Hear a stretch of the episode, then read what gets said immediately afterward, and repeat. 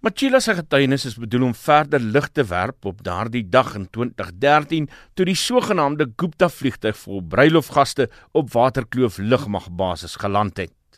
Volgens hom het hy eers van die insident bewus geword toe Bohai daaroor na die landing losgebars het. So there was a meeting convened for the Nicol principles on the 1st of May to come and this is a day after the incident. Yes. To come and discuss this issue. Because it take, uh, attracted so much attention. Yeah. And um, I'm sure the principals were worried about it. I then invited um, the then spokesperson, or the, still the spokesperson of uh, DERCO, Kaisen Monyela, uh, around 1 o'clock to come and brief me because I wanted to make sure what is happening and what has happened. Volgens Machila het hy daarna met die hoë kommissaris Gupta van Indië ontmoet om die landing van die Guptas te bespreek. Die Indiese Hoogkommissaris het besef hy het 'n fout gemaak met sy aandeel van die Gupta se landing by die Waterkloof lugmagbasis. 'n Tweede groot probleem het egter ontstaan wat sy aandag geverg het. Van die Gupta trougaste het 'n ander private vliegtuig gehuur en na Kaapstad gevlieg. Hy beskryf die trougaste as mense wat weggeraak het in Suid-Afrika. As we deep deeper and deeper. Yes.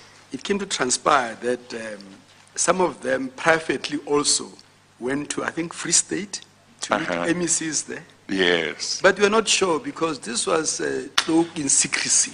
Yes. We're not yes. privy to their programs. Yes, yes. We just understood that it seems some of them in Cape Town did meet some people in yes. private capacity. Some yes. went to Free State to meet MECs there. Yes, yes. But we didn't have any official documentation. Mm. It's what we had to say, where is so and so? What happened to so and so? That actually some of them did meet Yes. Their counterparts yes. in some provinces. Yes. But as DERCO, yes. as DG, I was not privy to that. Machira sê die probleem sou ontstaan as hierdie mense iets oorgekom het omdat niemand ingelig is daaroor dat hulle elders sou rondvlieg in Suid-Afrika nie. Volgens Machila het die gaste later met Emirates na Dubai en Indië gevlieg.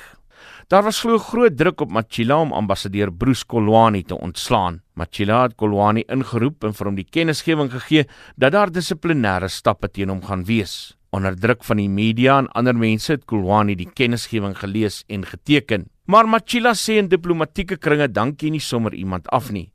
Boonop het hy Kolwani as 'n knap diplomaat leer ken en wou hy nie se muur van hom ontslaa raak nie. Ambassador Kolwani came from that stock.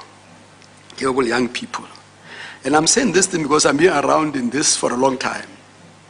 And I understand the need, the knowledge of a person